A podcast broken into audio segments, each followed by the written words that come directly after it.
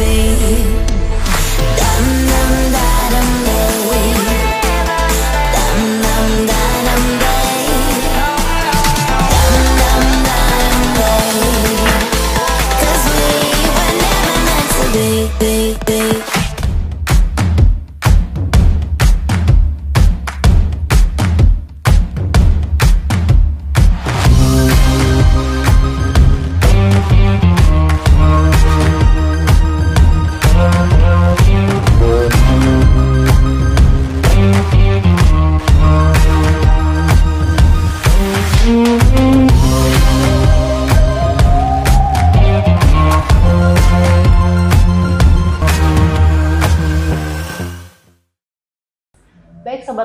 Kembali lagi di podcastnya Wika Gedung. Kali ini sudah bersama kita Bapak Budi Setiono, Manajer Project RSUD Kalideres. Baik, kita langsung sapa Bapak. Pak, apa kabar? Alhamdulillah baik Mbak Niar. Ya. Baik Pak Budi, kita langsung aja nih mau tanya-tanya. Uh, tolong ceritakan dong tentang project Bapak yang terakhir yang di RSUD Kalideres. Boleh cerita-cerita dong Pak. Uh, tantangannya apa ya Pak ya ya. di project itu? Baik, terima kasih Mbak Niar. Eh, Bismillahirrahmanirrahim. Assalamualaikum warahmatullahi wabarakatuh untuk semua pemirsa. Ya. Saya Budi Setiono yang tugas terakhir eh, dan sampai saat ini pun juga masih menghandle di proyek RSUD Kalideres Jakarta. Bahwa proyek ini adalah pembangunan rumah sakit umum daerah kalau tagline-nya adalah rumah sehat untuk DKI Jakarta. Jadi ini dari Dinas Kesehatan Provinsi DKI yang dianggarkan dari APBD DKI.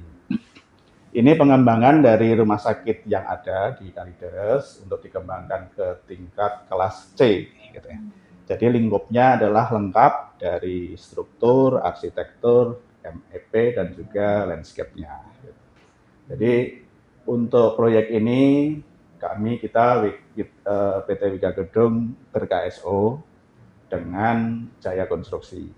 Sehingga proyek ini penyedia jasanya adalah KSO PT Wika Gedung TPK Jaya Konstruksi KSO. Jadi waktu pelaksanaan 207 hari kalender terhitung dari penandatangan kontrak tanggal 7 Juni 2022 sampai dengan 30 Desember 2022. Lingkup pekerjaan mulai dari struktur pekerjaan panjang, kemudian sampai dengan keseluruhan berfungsinya rumah sakit ini.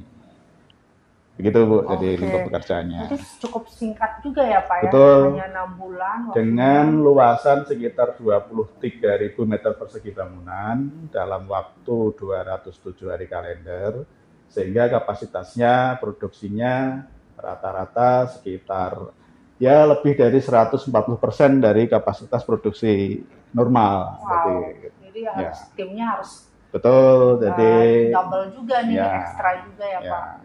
produktivitasnya 140 persen dari kondisi normal. Hebat banget Pak. Ya. Kemudian Pak tadi kan disampaikan naik level ya, jadi apa? Level C ya, C, ya. Itu berarti ada special request nggak Pak? Misalnya membuat uh, satu ruangan radiologi atau apa? Betul, jadi sesuai dengan ketentuan dari Kemenkes bahwa persyaratan dari RSUD kelas C itu harus dipenuhi. Salah satunya dari kapasitas eh, kamar rawat inap. Jadi di sini ada 143 kamar inap. gitu. Dengan sekitar 200 eh, bed untuk tempat tidur. Salah satunya itu dan juga ada uh, poliklinik dan juga khusus untuk uh, penanganan infeksi. Jadi Hmm. spesialnya untuk di RSUD ini adalah penanganan untuk uh, penyakit infeksi.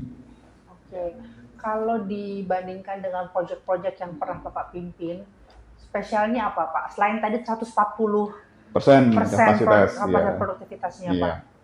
Ya secara umum sebetulnya sama, uh, apalagi ini bukan design and build ya. Jadi kalau saya bandingkan dengan beberapa proyek yang kami kerjakan, uh, khususnya design and build itu memang tantangannya lebih uh, lengkap, lebih berat. Ini uh, untuk RSUD itu bukan design and build sehingga eh, kami sebagai penyedia jasa lebih fokus terhadap pelaksanaan dan penyelesaian. Dan item pekerjaan juga secara umum sering kita kerjakan, uh, walaupun memang portofolio kita di rumah sakit memang mulai banyak dan juga belum uh, apa namanya uh, mengarah ke hal yang khusus yang menjadi diferensiasinya Wiki gitu. Seperti halnya sebelumnya di RS Fatmawati atau RS COVID dengan kondisi yang memang berbeda-beda. Jadi dibandingkan dengan beberapa spesial kondisi rumah sakit untuk RSUD ini, uh, bagi kami tim lapangan, uh, WG dan KSO Jakon itu suatu pekerjaan yang memang sudah menjadi keseharian kami.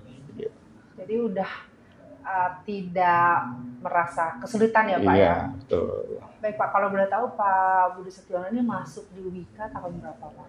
Eh, saya sebelum secara resmi dilantik di Wika Persero TTK itu dulu pernah menjadi tenaga proyek ya tenaga proyek di tahun 2021 kemudian mengikuti tes penerimaan pegawai dan dilantik di Juli 2004 jadi sudah hampir 20 tahun yang lalu ya. Kalau di Wika Gedung sendiri, Wika Gedung semenjak berdirinya Wika Gedung di tahun 2008 oh, ya. udah berapa proyek yang Bapak jadikan MP nih Pak?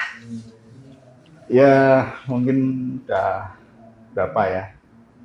Ah, tidak ingat pasti ya, Iya. jadi sudah cukup banyak dari mulai di 2010, 2011 gitu.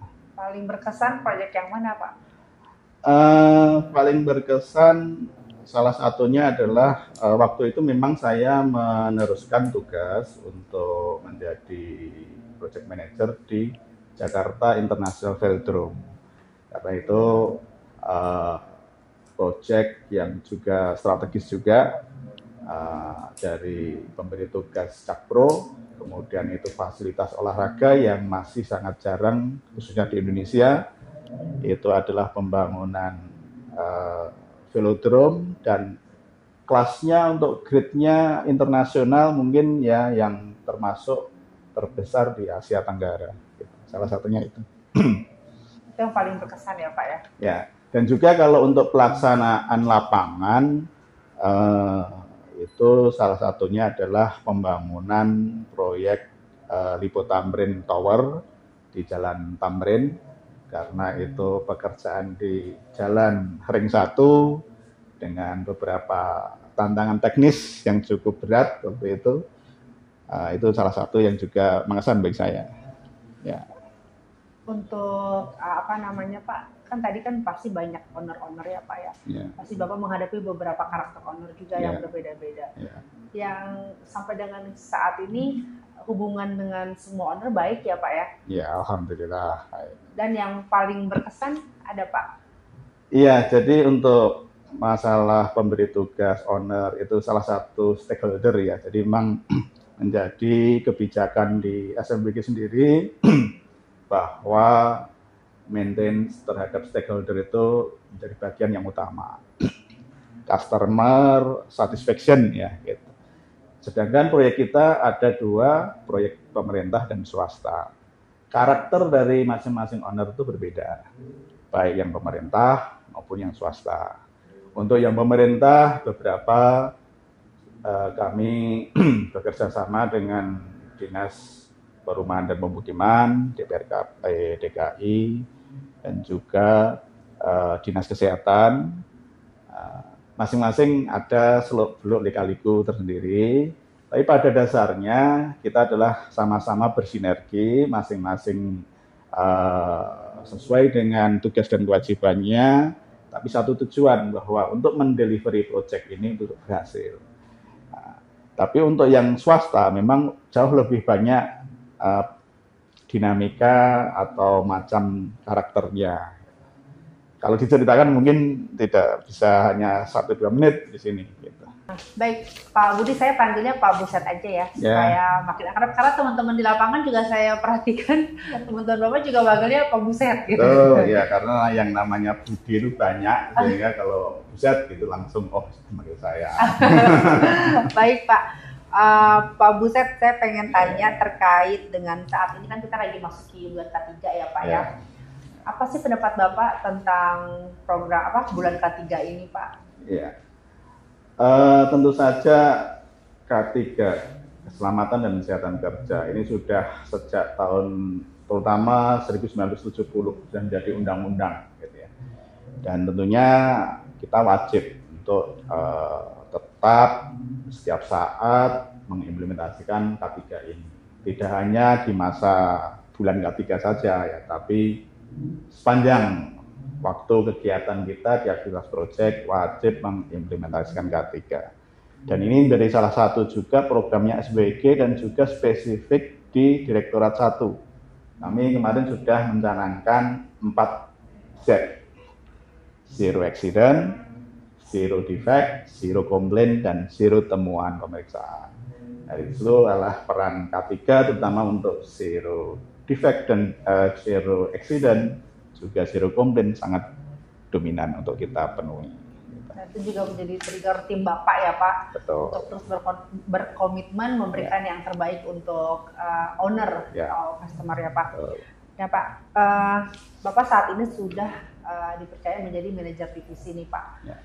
Yang kita ingin tahu apa nih Pak target Bapak dalam Bapak memimpin divisi Bapak ini?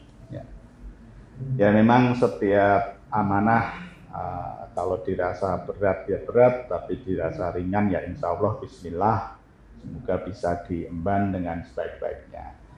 Jadi untuk divisi tingkatannya adalah di atas proyek-proyek tentunya dari target-targetnya pun juga sepertinya saya pelajari memang mirip dengan proyek Selagi proyek itu berjalan lancar, otomatis divisi juga tercapai semua targetnya. gitu.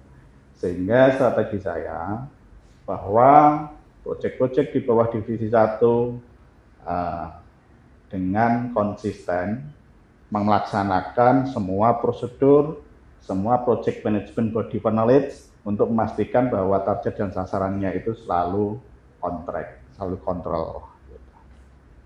Prinsipnya seperti itu, hanya saja nanti dituangkan dalam program-program, kemudian target dari time frame-nya itu yang sedang kami susun, sehingga pada dasarnya dengan mengoptimalkan semua resources, human resources, dan semua fasilitas pendukung dari yang dimiliki WG sebagai kekuatan, sebagai aset, itu untuk bisa dioptimalkan.